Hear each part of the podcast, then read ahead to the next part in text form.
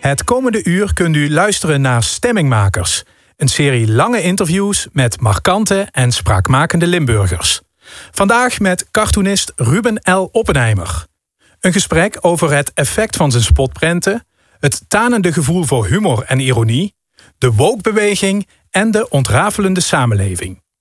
Stemmingmakers met Ruben Oppenheimer. Een programma van Fons Geraerts.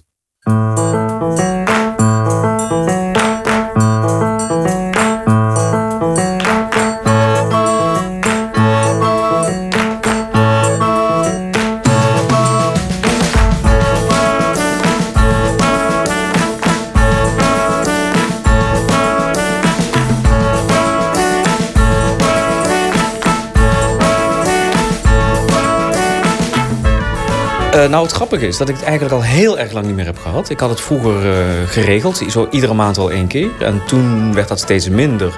En ik heb een aantal jaren volgens mij inmiddels al geen last meer gehad. En uh, nu dan in één keer twee keer achter elkaar weer. Dus... We hebben het over migraine. Wat is de, imp de impact daarvan? het moment dat ik zo'n aanval krijg, en het gekke is, ik, ik, ik merk dus voordat ik iets, voordat ik pijn krijg, zie ik, merk ik dat mijn, mijn, mijn gezichtsveld verandert. Ik zie kan het heel moeilijk omschrijven, maar het lijkt al alsof wat ik zie niet meer op de juiste manier wordt geïnterpreteerd uh, in mijn hoofd. Dus ik kijk ergens naar en ik snap het niet meer helemaal. Ik, bijvoorbeeld, ik kijk naar mijn eigen handen. Ik weet dat het mijn eigen handen zijn, maar het voelt niet vanzelfsprekend. Het lijkt wel ineens alsof je een soort van alien hands hebt. Uh, alsof ze niet van jou zijn. En dan denk ik, oh god, oh jee. Nou, dan vervolgens een half uurtje later uh, krijg ik lichtflitsen. Dat zijn een soort van driehoeken die over elkaar overlappend flitsen en van kleur veranderen. Rood, wit, geel, zwart, blauw. En dat wordt een soort van slang die steeds groter wordt. Het, blijkbaar is dat dan een soort van elektrische golf die over je brein uh, zich uh, verspreidt. Op dat moment kan ik dus ook gewoon niet meer zien. Als ik dan in de auto zou zitten, moet ik stoppen, want kan ik niet rijden. Um, als ik iets anders aan het doen ben, moet ik meteen daarmee stoppen en gaan liggen. Want ik ben dan dus letterlijk geïncapaciteerd. Ik kan niks meer. Dan neem ik zware pijnstillers en ga ik 1, 2, 3 uur liggen... in de hoop dat ik er doorheen slaap en dat als ik wakker word... dat de ergste pijn voorbij is. Uh, en eigenlijk het vervelendste effect is dat je dus de uren... of soms wel een hele dag of dagen daarna nog... Uh, uh, gammel bent, niet goed uit je woorden kunt komen, heel veel, heel veel valse lucht, heel veel, boer, heel veel boeren. Nou, ik zal proberen dat een klein beetje ja. vandaag te, naar binnen, binnen te houden. Maar je, je, bent, je voelt gewoon alsof je, een, alsof, alsof, alsof je tegen een muur bent aangelopen of, ja. er een, of er iets over je heen is gereden. En als ik, dan, als ik geluk heb, is het dan weer een hele tijd weg. En weten de, de deskundigen waar het, waar het vandaan komt? volgens mij niet. Ik heb me er vroeger toen, toen me dat net over, overkwam, ben ik me daarin gaan verdiepen. Nou, dan lees je dus dat er, zijn wat medicijnen en er zijn wat therapietjes en wat dingen waar ik uh, verder ook niet heel veel fiducie in heb. Um, ik heb van alles geprobeerd. Um, Volgens mij weten ze nog steeds niet precies wat het triggert. Ik heb dus ook geen idee. Hè. Ik heb het wel eens gehad als ik een flinke avond heb doorgezakt. Maar ook wel ik, als ik een week geen druppel alcohol heb aangeraakt. Um, wat ik zelf dus denk is dat het dus iets te maken heeft met een periode van uh, hoogspanning. En dan gas terugnemen. Uh, net alsof je, als je hebt gerend of uh, een een inspanning hebt geleverd en dan stop je, dan ga je ineens uh, heel erg zweten en hijgen en dan kom je op adem. En ik denk dat het dus een manier is voor mijn brein om op adem te komen na een inspanning. Oké, okay, ja, tot zover het uh, lichamelijke medische bulletin. Hoe, hoe is het verder qua gemoedstemming? De, ja, de, psych, nou ja. de psyche zou We hebben dan meteen een dieptepunt gehad en dat is wel eens anders geweest. Nee, uh, de rest gaat eigenlijk wel lekker. Um, het zijn hele rare tijden waarin we leven. Uh, ik zeg altijd slecht voor het land, goed voor de krant. Natuurlijk is een tijd van onzekerheid en internationale spanningen en conflicten uh, heel interessant voor, uh, voor mensen die zich met het nieuws bezighouden. dat vind ik, ik merk dat ik daar de afgelopen tijd ook een klein beetje op ben afgeknapt. In die zin dat ik niet meer zo de, de nieuwsspons die ik altijd was, wil en kan zijn. Dus, Raak je gedeprimeerd door het wereldnieuws? Ik wil niet zeggen dat ik... Ja, misschien wil ik dat wel zeggen. Uh, het is niet zo dat ik ben afgestomd en wat veel mensen hebben, merk ik omheen van ja, ik wil dat allemaal niet meer zien. Och, ik volg het allemaal niet meer. Och, ik heb er genoeg van. Nee, ik merk dat het misschien juist te veel met me doet. En dat het um, omdat ik mij... Kijk, woede is prima. Uh, woede om de dingen om je heen, de wereld om je heen... die zorgt ervoor dat je... Um, met die, in mijn geval met die woede iets kunt. En daar dus mijn, uh, daar, haal ik mijn energie uit en mijn, inspiratie.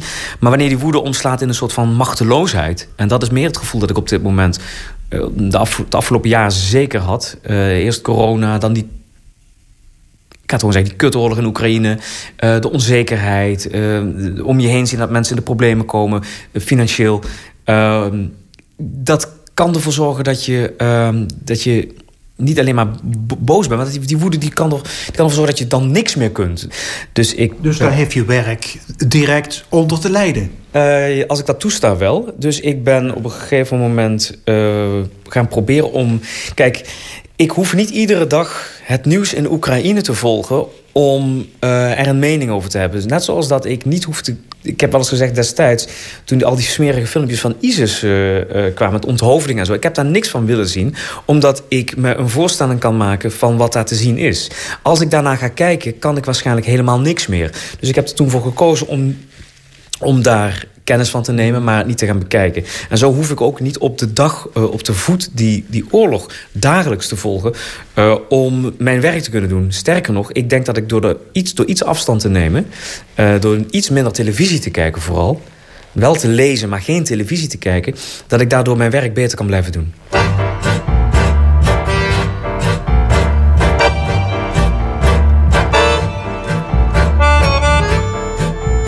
Zei, je hebt de voorgesprekken gehad. En toen zei je, het werk wat ik doe is, is minder leuk aan het worden. Wat is precies het probleem? Uh, nou, dat, ik denk niet dat het één probleem is. Uh, er zijn een aantal dingen gaande. Um, ageren tegen, uh, tegen één probleem, tegen één, één item. Bijvoorbeeld, nou, destijds, laten zeggen, corona we hebben te maken met een pandemie. Nou, daar gaan we eens even de tanden in zetten. Um, dat, dat is heel overzichtelijk.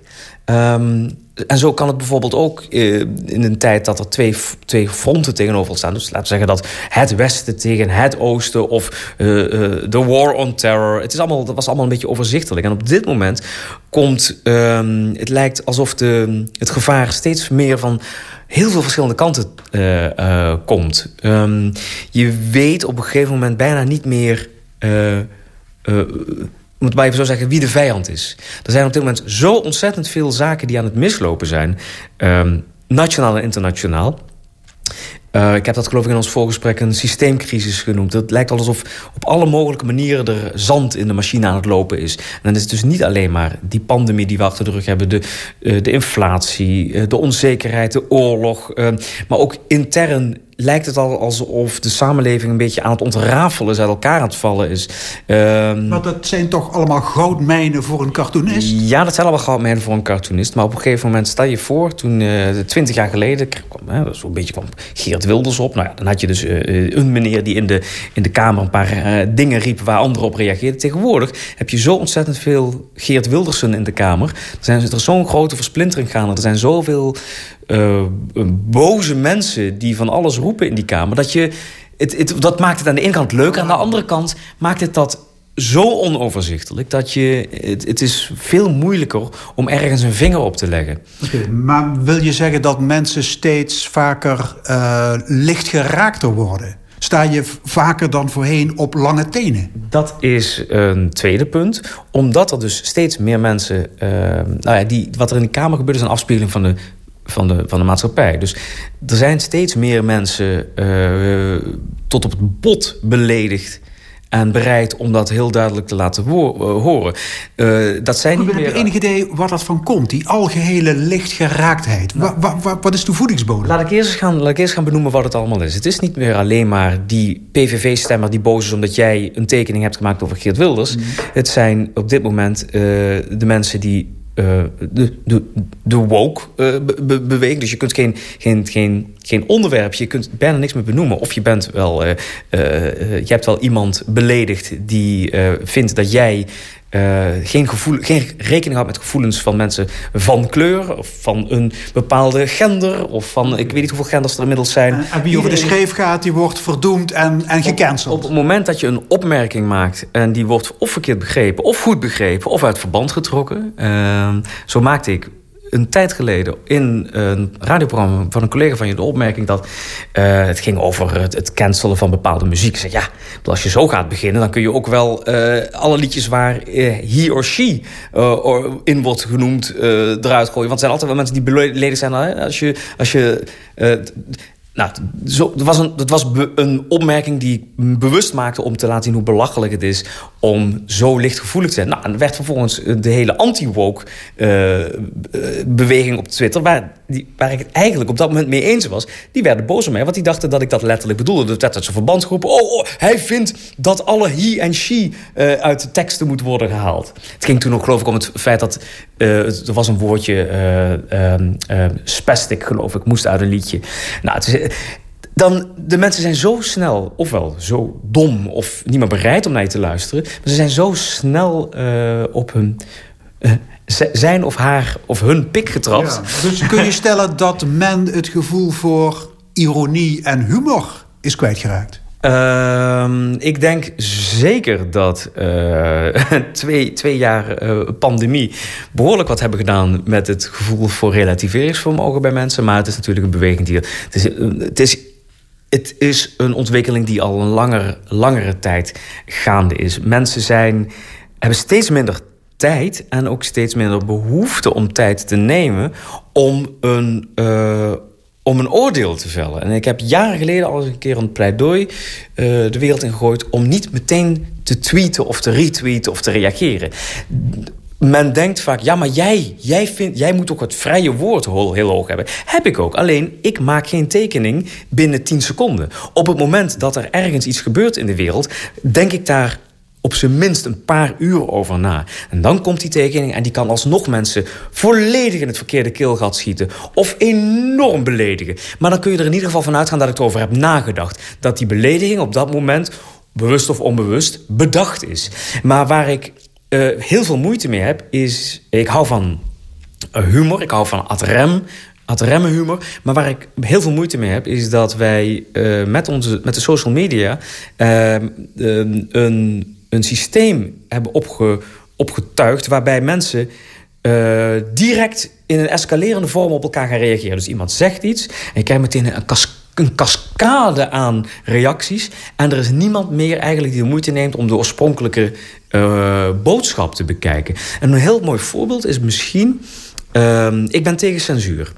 Uh, een tijd geleden maakte Jos Collignon, tekenaar van de Volkskrant... een tekening uh, naar aanleiding van uh, Marokko op het WK voetbal. Het was een beetje een flauwe grap, want die was al heel vaak gemaakt. Dus, ja, de twee Marokkanen twee die bezig, op een scooter... die waren bezig om de WK-cup te stelen. Ja, twee, die waren bezig om die cup te stelen. En Infantino staat erbij. het gekste aan die tekening vond ik nog dat het leek alsof de ster... de vijfpuntige ster op de Mar Marokkaanse vlag die ze bij zich hadden... een Davidster was, dus, dus de ster van de vlag van Israël. Uh, maar die tekening deed, hoe slecht ik die tekening eigenlijk ook vond. Want ik vond gewoon, Jos Conion is een van mijn uh, grote voorbeelden. Als kind al keek ik naar zijn tekening in de krant en dacht ik, ja, dat wil ik. En ik vond gewoon, de, hij kan, dat klinkt zo lullig, maar hij kan zoveel beter. Nee, maar, nee, maar hij, hij kan echt veel geweldig goed tekenen. En hij heeft van uh, ontzettend leuke cartoons. Ik vond dit niet zijn beste cartoon, maar daar gaat het niet om. Maar het gaat even, even die tekening is verwijderd van de website van de Volkskrant... Ja. vanwege te stigmatiseren. Dat nou, was het argument. Mensen, er waren wat mensen boos. Op Twitter ontstaat er een soort van shitstorm. Uh, ik bedoel, de, de die die tekening op zijn mat vindt... die denkt daar wat van. Die pakt al dan niet een, een pen en een, en een stuk papier en gaat een boze brief sturen. Of gaat een e-mail tikken, dat gaat dan een stuk sneller. Nee, Twitter, en dat zijn dan meestal de mensen die die krant niet eens lezen... die hebben ergens een screenshot voorbij zien komen... en heel Twitter ontplofte en in zijn... In zijn oneindige wijsheid en paniek heeft de hoofdredactie van de Volkskrant... overigens een van de vele kutkranten die het land rijk is... heeft gedacht, ja, daar hoef ik ook niet meer eh, aan te kloppen... nee, die heeft gedacht van, weet je wat, eh, we gaan deze tekening van de site afhalen... en een excuus plaatsen. Hoe dom ben je dan? Nee, wat wil je van je cartoonisten?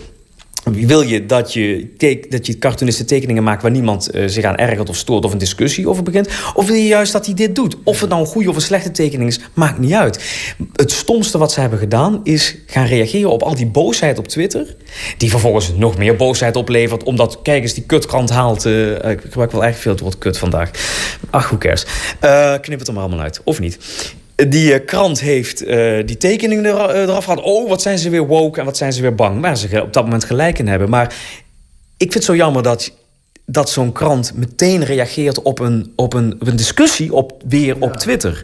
Ga die discussie vervolgens met je lezers aan. Maak een hele pagina over die cartoon en over stigmatiserende cartoons. Over wat de functie is van die cartoons in de krant. En als je daar geen zin meer in hebt, ja, zeg dan: wij plaatsen, net als wat is het, de New York Times, geen cartoons meer.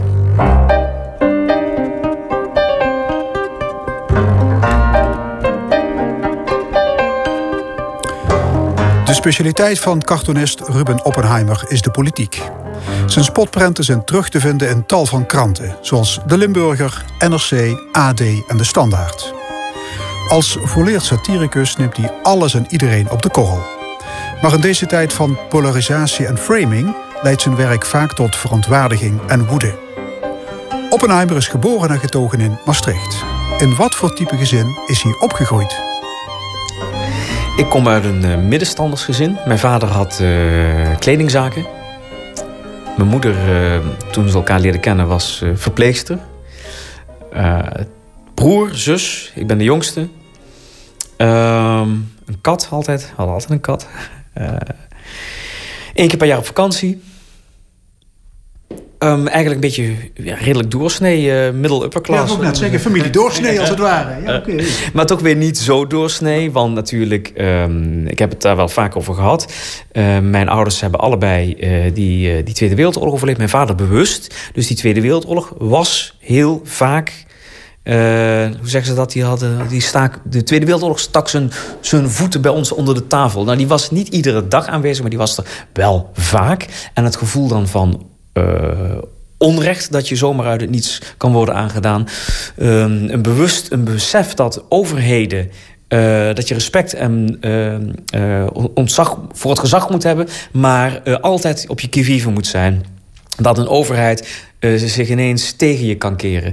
Dat heeft bij mijn broer waarschijnlijk een soort van... Uh, mijn broer was echt zo'n zo new waver met van het punkhaar... en uh, anarchistisch gevoel teweeggebracht. En bij mij heeft dat, denk ik, teweeggebracht... aan de ene kant een enorm interesse in de politiek volgen wat. Uh, want wat is, wat is politiek? Politiek is eigenlijk uh, alleen maar interessant omdat het over jou kan beslissen.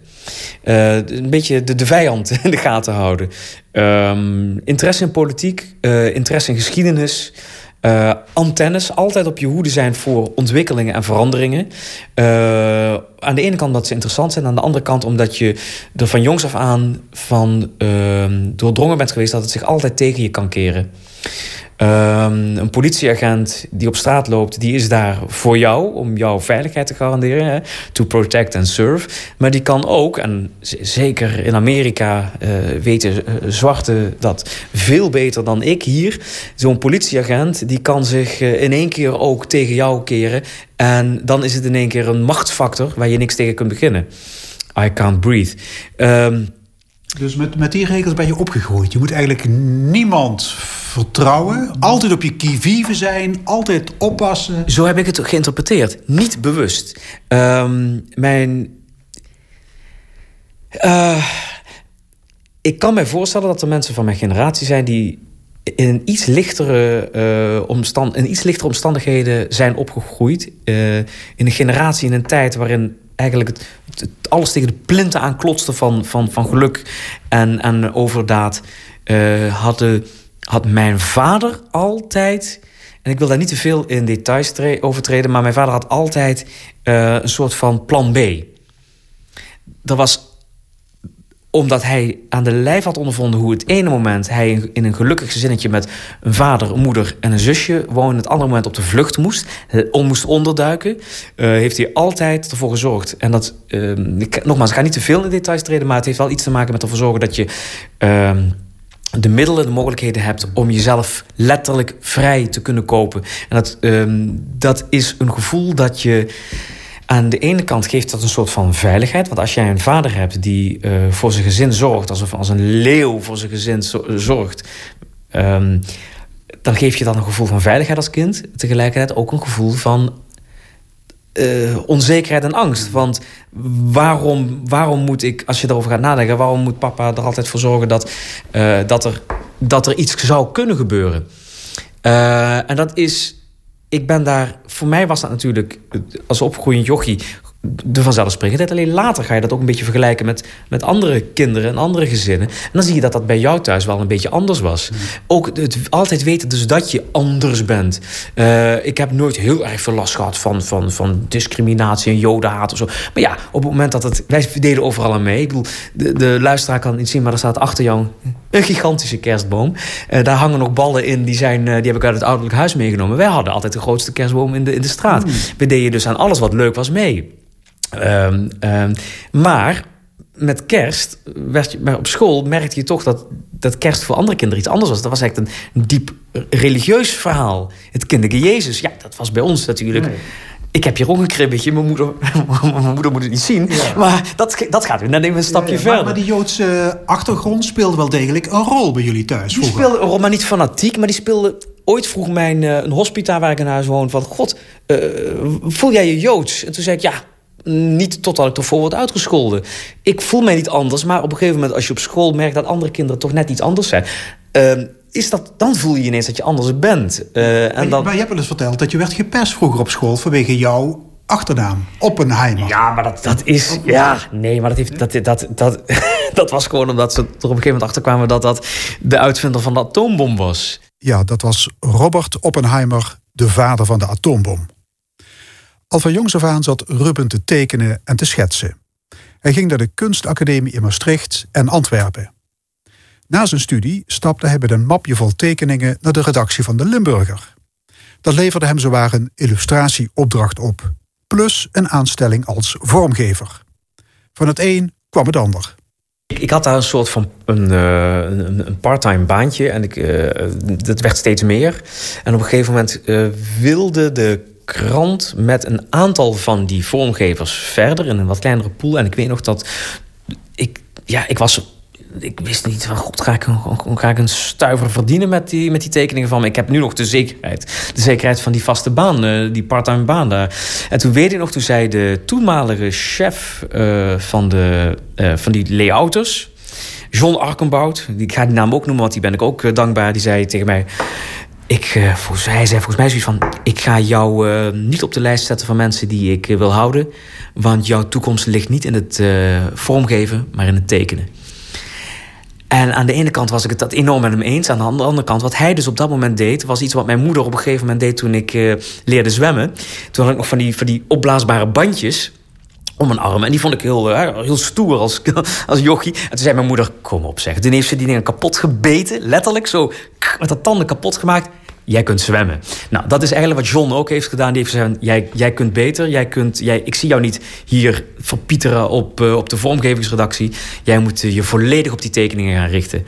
En dat heb ik toen gedaan. Dus uh, ja, dit zijn...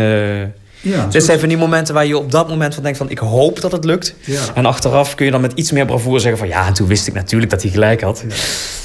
Hey Ruben, je werkt nu voor uh, NRC, voor uh, het AD, de Limburger en de Standaard, de Belgische krant. Uh, moet jij iedere dag aan de bak? Ik uh, mag iedere dag nog steeds aan de bak. Ik maak voor het AD een dagelijkse rubriek. Waarbij de lezers uh, de tekst voor uh, een, een een vis en een slak en een viskom. Altijd als ik het omschrijf, denk ik van ja, hoe, hoe, dat iemand dit überhaupt koopt. Maar ja, de krant is er blij mee. Uh, nee, het is een dus, hele leuke. Dus koppijn of niet, het moet. Het is een hele, juist, ja, het is een hele leuke rubriek om te doen, juist vanwege de, uh, de lezersparticipatie. Het is een soort hele fanatieke club mensen die iedere dag probeert om de winnende teksten te verzinnen. En voor de rest maak ik voor de Limburg, voor de NRC, voor het AD, maak ik, ja, ook het AD en de Standaard en andere kranten tekening over allerhande onderwerpen nog steeds. Is er altijd inspiratie?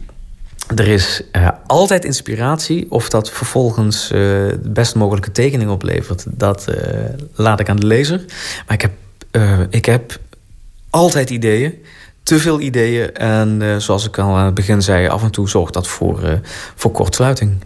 Ja. Maar liever en dat, je hebt te maken met, ja, je hebt te maken met deadlines. Dus mm -hmm. er moet iets komen. Ja dat levert toch af en toe, neem ik aan, stressvolle momenten op. Geen stress, gek genoeg. Het is. Uh, misschien kan ik het beste vergelijken met iemand die een puzzel maakt. Als jij een, een, een puzzelboekje hebt. Uh, mijn vader was een fanatiek puzzelaar van die Zweedse doorlopers en zo. ja, die puzzel is op een gegeven moment opgelost. Soms voetel je een beetje of je zoekt iets op, maar die, die puzzel die lost zich uiteindelijk wel op. Maar op het moment dat je die puzzel uh, helemaal leeg, blanco voor je ziet... dan kun je denken van, oh god, ik moet hem even... Nee, dat, daarom puzzel je, dat vind je leuk. En mijn werk, ik moet iedere dag weer... of niet, ja, iedere dag... Ja, het weekend gelukkig niet, maar ik moet, uh, iedere werkdag moet ik uh, dingen verzinnen. Ik moet puzzels verzinnen. Daar dienen zich zaken aan uh, waar ik een spitsvondige draai aan moet geven... of iets mee moet doen waar mensen wat aan hebben. Ja, maar als en die spitsvondigheid dat... nog even uitblijft... het idee is er niet en je hebt nog een kwartier... Dat, dat, klinkt heel arrogant, maar dat, dat is nog eigenlijk nog nooit gebeurd.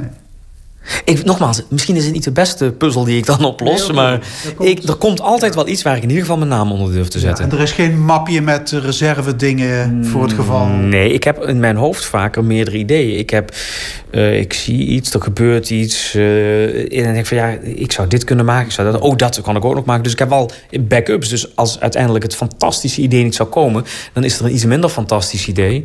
Of een nog iets minder fantastisch idee. Ja. Maar kun je eigenlijk nog op een normale manier de krant lezen of naar de televisie kijken? Um, Want jij staat natuurlijk altijd aan als cartoonist. Uh, ja. Ja, daarom ook dat ik uh, zei dat ik misschien iets minder... of ja. behoorlijk minder televisie vooral kijk. Um, omdat ik dus niet ik kan niet naar het journaal kijken of naar een babbelprogramma. Uh, gewoon met een zak chips en ervan. Nee, het moet, er moet allemaal wat mee. En wat ik ook vaak doe, is dan als ik ergens naar kijk, dan stuur ik een e-mail via mijn telefoon naar mezelf. met een idee voor een tekening of een onderwerp. ja, maar dan zit je dus inderdaad. Dan, dan, dan zit je dus niet uh, ontspannen. Uh, ik weet niet hoe andere mensen naar het nieuws kijken, maar ik kan me voorstellen dat andere mensen naar het nieuws kijken. Ja, één oor in, een andere oor uit. Maar dat, dat kan dan dus niet. Um, dus dan kun je ja, er beter ja, Net als een columnist, hè, die leest ook de krant met dit idee voortdurend... kan, kan ik hier iets mee? Ja. Ja, nou ja, het gaat, het gaat verder. Ik, uh, het is niet alleen maar... Daarom kijk ik minder televisie, maar ik heb dat dus ook uh, in gesprekken. En als ik over straat loop, ik zie zaken... Uh, nou ja, de tekening van vandaag. Uh, ik krijg een afval, afvalkalender in de, in, de, in de bus voor het jaar. Oh, wanneer wordt de kerstbomen opgehaald?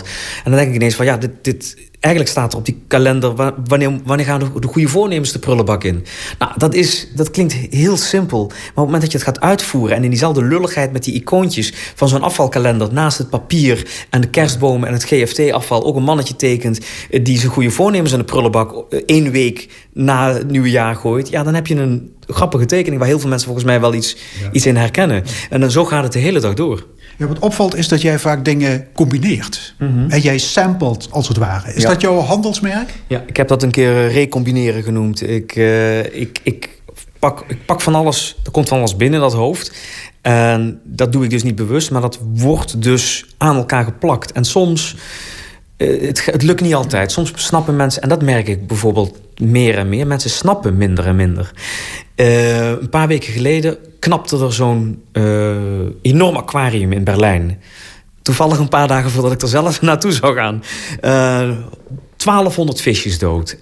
Ik zag dat beeld en diezelfde tijd lag Elon Musk ineens onder, onder vuur... omdat hij Twitter net heeft overgenomen en allerlei beslissingen neemt. Toen dacht ik van ja, eigenlijk... als ik nou die vis, uh, die fishtank weer vul... en er allerlei, allemaal twittervogeltjes in laten rondzwemmen en barsten... ja, dan heb ik eigenlijk een hele mooie combinatie. Normaal, ik zit het nu te be beredeneren, maar zo gaat het in mijn hoofd dan. Dan heb ik een soort van mooie metafoor voor wat Twitter op dit moment is. Het, is een, dus het staat ook op knappen. Heel veel onvrede, heel veel onzekerheid... Um, nou, heel veel mensen pikken dat op, maar heel veel twitteraars worden dan vervolgens boos op mij. Oh, nou weten we aan welke kant Oppenheimer staat.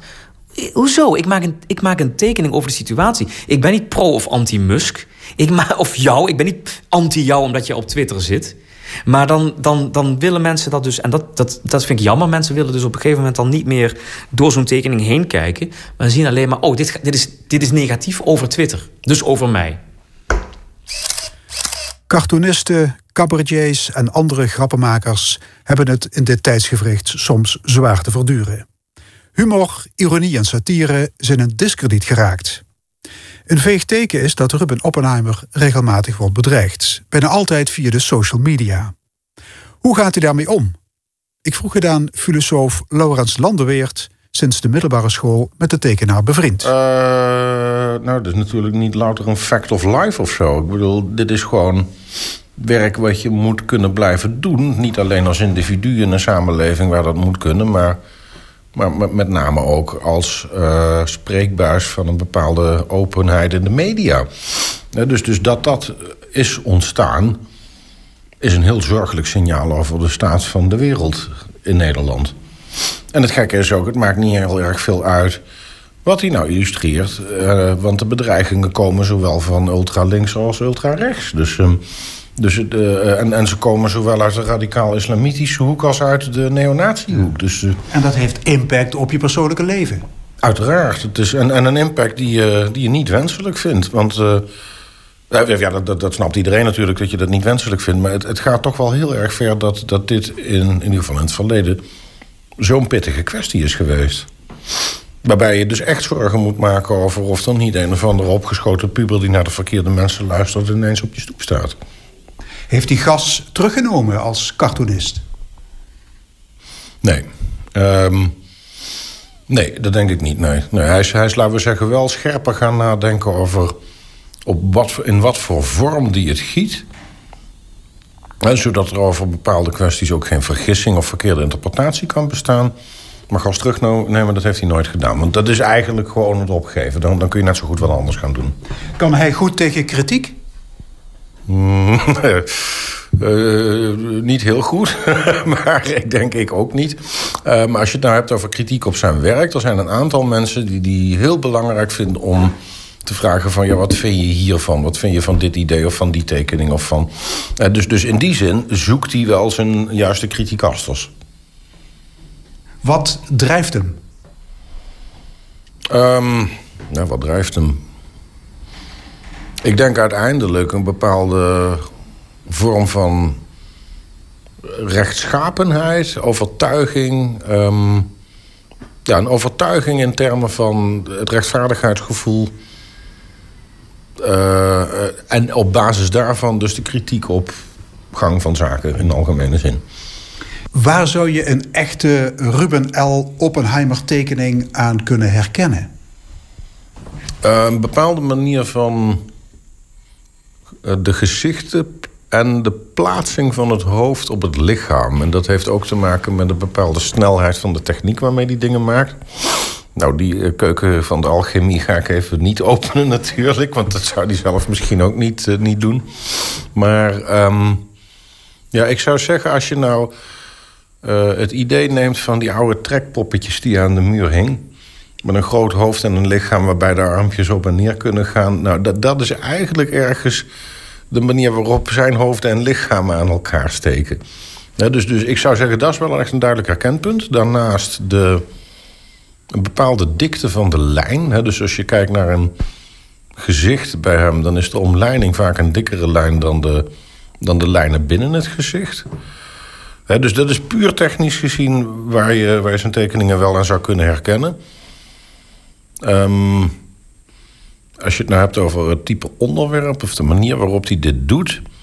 dan denk ik eerder dat hij te herkennen is aan een... Uh, aan het feit dat je wat langer moet doordenken bij zijn werk. Dus als ik kijk naar de doorsnee politiek illustrator in Nederland... is de kwaliteit over de afgelopen jaren sowieso heel erg achteruit gegaan. Uh, te simplistisch, uh, slecht getekend. Ja, dat maakt niet per se uit als je daar een stijlfiguur van maakt. Maar uh, veel te slappe, snelle quick fixes... om een bepaalde positie of mening op beeld te krijgen... En bij Ruben zit er altijd een, een nood om ietsje langer door te denken. Maar Ruben, jij spaart de roede niet, zal ik maar zeggen. Je hebt gelazen gehad met Erdogan, met, met Kaag, met, met Theo Hiddema. Je hebt een track record van rechtszaken, van, van aangiftes, bedreigingen, advocaten. Hoe kijk jij daarnaar?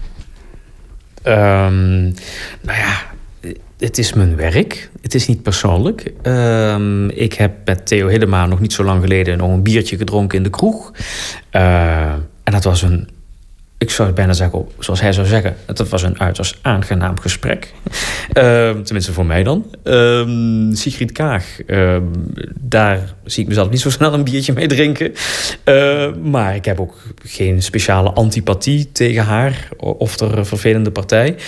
nee, maar ik bedoel, we hadden het er straks over de verruwing. Hè? Ja. dus op, op social media wordt alles en iedereen eh, gemangeld.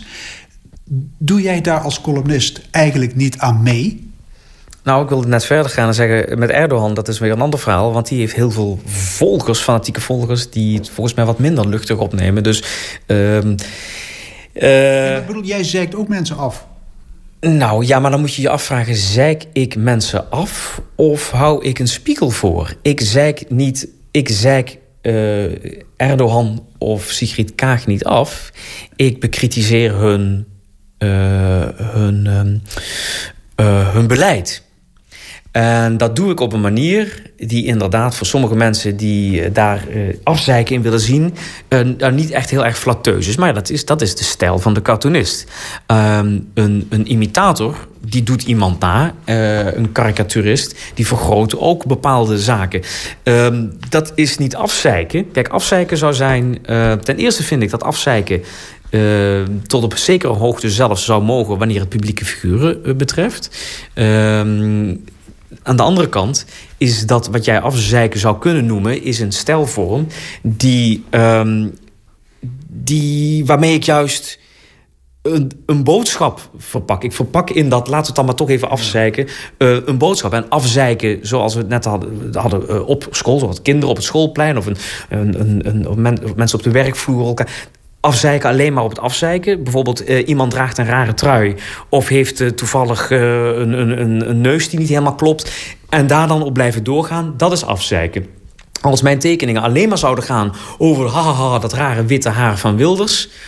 Of, het, of alleen maar het, het, het, zakje lavendel van, van, van Thierry Baudet. Of alleen maar de, de bezem van Kaag. Nee, maar ik, ik gebruik die zeik-afzeik-elementen niet om die mensen persoonlijk af te zeiken, maar om hun beleid. Ja, maar, maar die bezem van Kaag, die afkoerst op de Twin Towers, waar uh, Mark Rutte op staat afgebeeld.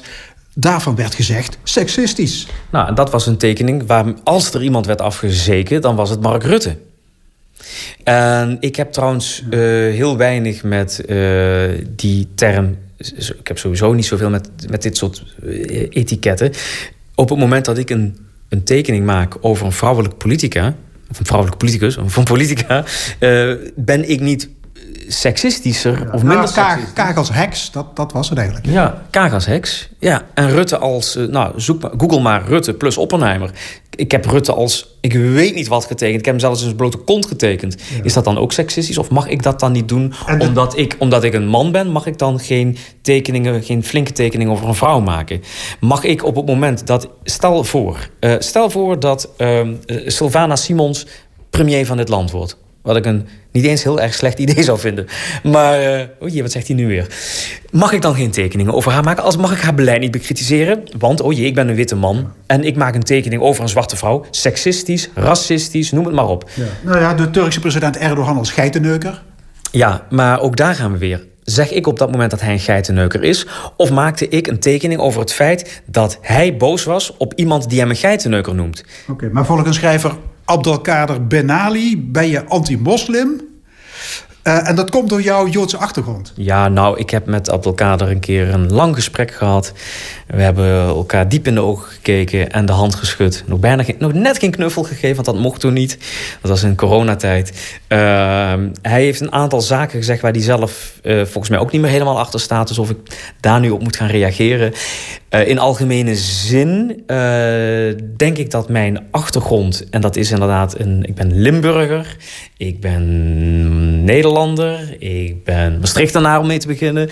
Ik ben man, ik ben redelijk heteroseksueel seksueel, ik heb een hond, uh, ik, uh, ik ben Joods inderdaad van afkomst. Dat speelt allemaal mee, maar uh, dat maakt mij geen moslimhater. Zij die moslimhater? Nee. Nee, nee, nee, nee, nee, nee. Ik ben geen moslimhater. Ik heb een schurfthekel. Nee, ik zei anti-moslim. Oh, anti-moslim. Ik heb, oké, ik ben ook geen anti-moslim. Ik heb een schurfthekel aan, uh, eigenlijk aan iedere religie. Ik heb echt een schurfthekel aan de, de drie grote uh, godsdiensten. Ik heb, ik heb een schurfthekel aan alle godsdiensten. Omdat het, uh, er zijn zo ontzettend veel voorbeelden waarbij die te, te, geven waarbij die religie kwaad heeft gedaan. Uh, op een manier die ik niet uh, um, vind opwegen tegen alle mooie kunst. En de schitterende muziek. En de prachtige kathedralen, moskeeën en uh, gebouwen die het heeft opgeleverd. Ik vind religie vind ik een heel groot kwaad.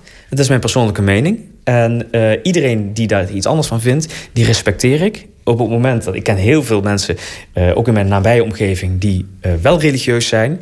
Ik respecteer hun persoonlijke geloof.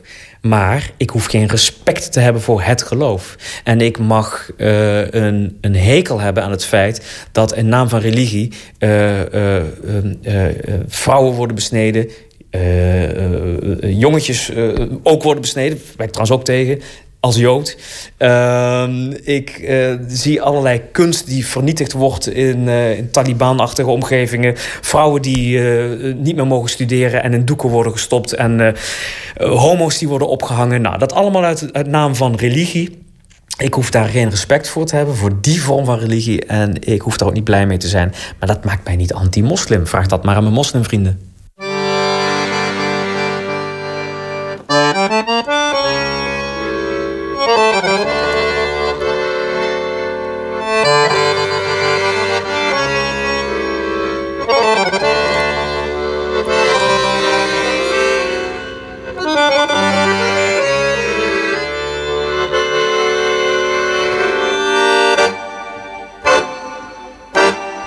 Ruben, wat is er veranderd in jouw métier sinds die, die slagpartij op het kantoor van Charlie Hebdo?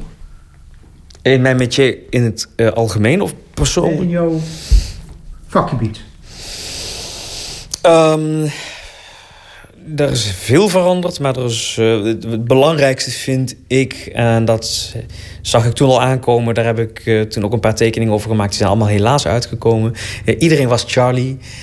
iedereen liep met, met die, oh die, die slogan. Die t-shirt, je suis Ja, ja, ja. En alles moest, moest mogen en alles moest Ja. kunnen.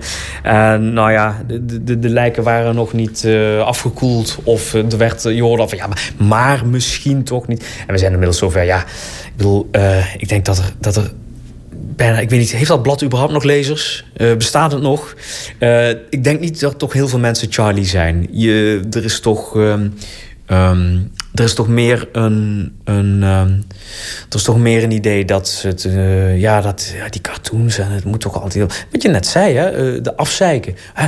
Waarom moet dat afzeiken allemaal? Ja, kijk, ik ben ook niet blij met al die. Ik, ik vind ook niet alles wat ik zie fantastisch. Maar ik ben wel blij Nogmaals, ik maakte net de grap van Twitter moet worden afgeschaft. Absoluut niet. Laat het maar allemaal. Ben ik er blij mee? Wil ik er deel aan van uitmaken? Nee. Ben ik, denk, zie ik dat het ook heel veel eh kwaads aanricht? Ja. En ja, inderdaad, cartoons kunnen ook voor ellende zorgen. Maar ik wil nog altijd liever in een land wonen... waarin je een tekening kunt maken van de paus of een imam... of, eh, even kijken welke vergeet ik... of een jood in, in een bepaalde situatie in een cartoon... dan in een land te leven waarin, je, waarin vrouwen niet naar school mogen... of waar eh, eh, kinderen onder het mom van eh, de mantel der liefde worden misbruikt... en dat misbruik wordt wegge- weggemoffeld. Ik bedoel, er zijn ergere zaken dan het maken van een tekening die kwetsend is of niet. Er zijn ook ergere zaken dan een tweet de wereld insturen... waar iemand aanstoot aan kan nemen. Eh, maak een probleem van de echte problemen.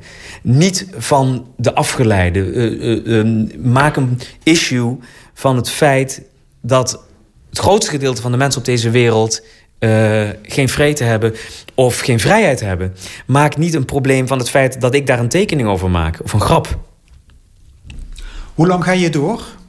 Of hoe lang kun je doorgaan als cartoonist? Ehm, als ik niet meer scherp ben, als ik niet meer leuk ben, dan vind ik dat het eh, te laat is. Dan had ik moeten stoppen. Dan zullen er heel wat mensen die zijn, die denken, die denken dat ik dan inderdaad al een tijd geleden had moeten stoppen. Eh, zolang ik zelf nog, eh, laat ik zeggen, ik kijk periodiek even terug naar zo van twee, drie maanden geleden. Wat maakte ik toen?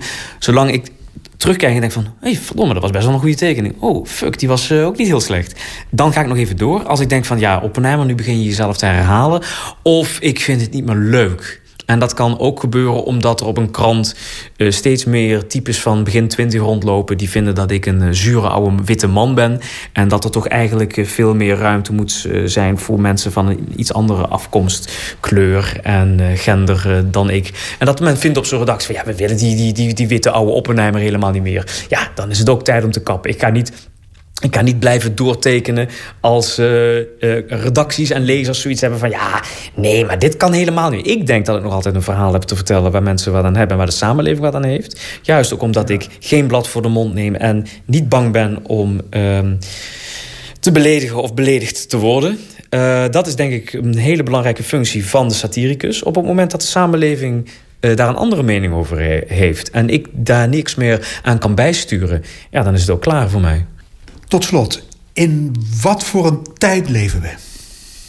Nou, ik heb het woord al een paar keer gebruikt. Ik ga het nog een keer zeggen. We leven in een kuttijd. We leven absoluut in een kuttijd. Um, moet ik dat nog toelichten? Oké, oké. Nou, daar gaan we. Um, ik denk dat iedere generatie zo zijn momentjes heeft. En er zijn leukere tijden en minder leuke tijden. En als je aan je oude moeder vraagt van... God, mam, hoe was het vroeger? Dan zal ze aan de ene kant zeggen, alles was beter. En dan begint ze uit te wijden. En dan komen er toch een paar dingetjes... In mijn geval dan bijvoorbeeld die Tweede Wereldoorlog... waarvan je denkt van, was hem toch ook niet helemaal. Um, maar we leven nu in een tijd waarin, waarvan ik serieus niet weet hoe het verder gaat. Ik, heb, ik ben net oud genoeg om bewust die Koude Oorlog, dat laatste staartje te hebben meegemaakt. En de dreiging van de Russen en de atoombom nog. Uh, uh, Oppenheimer is atoombom. Uh, te hebben meegemaakt. Alleen in die tijd, zelfs als kind, waarin je toch die angst meemaakte, weet ik nog dat je ook altijd dacht van het zal zo ver wel niet gaan.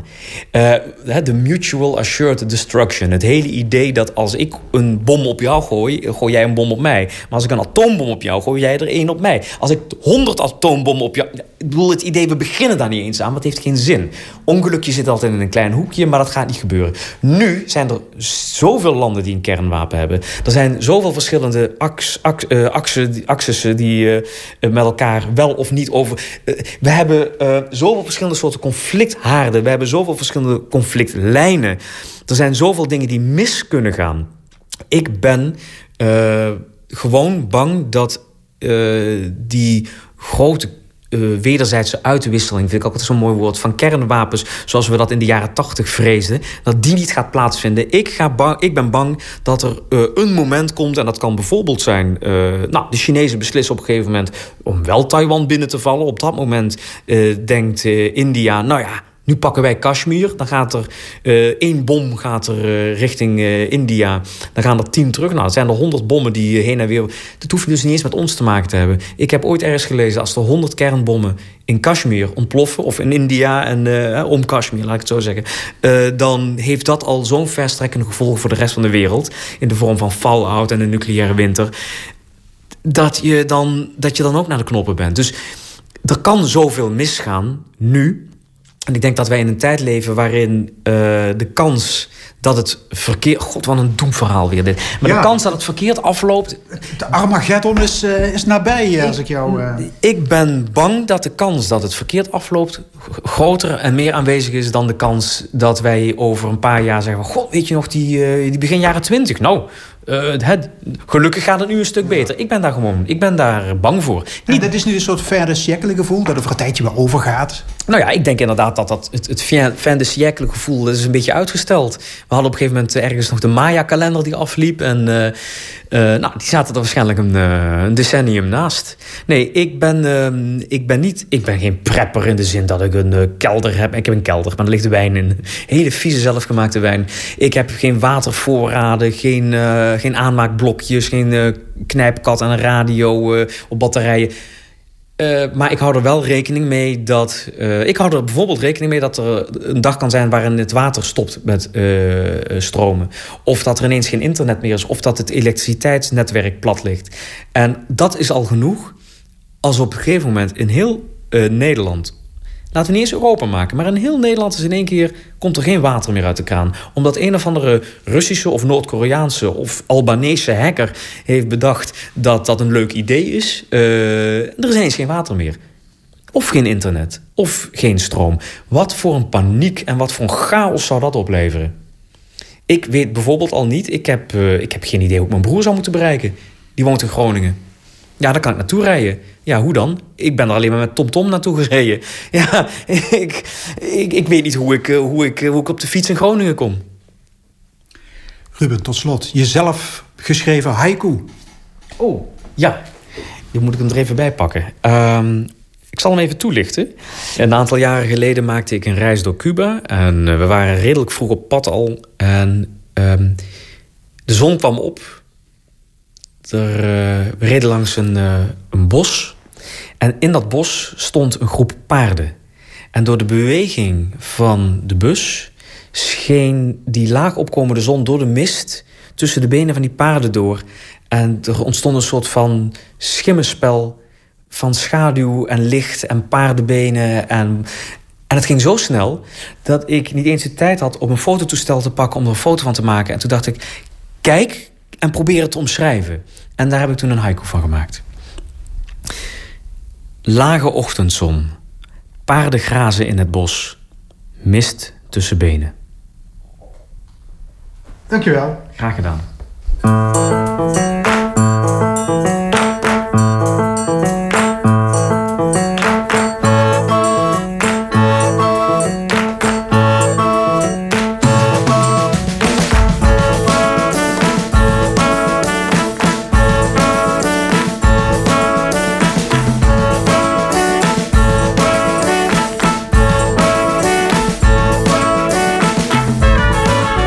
Geluisterd naar Stemmingmakers.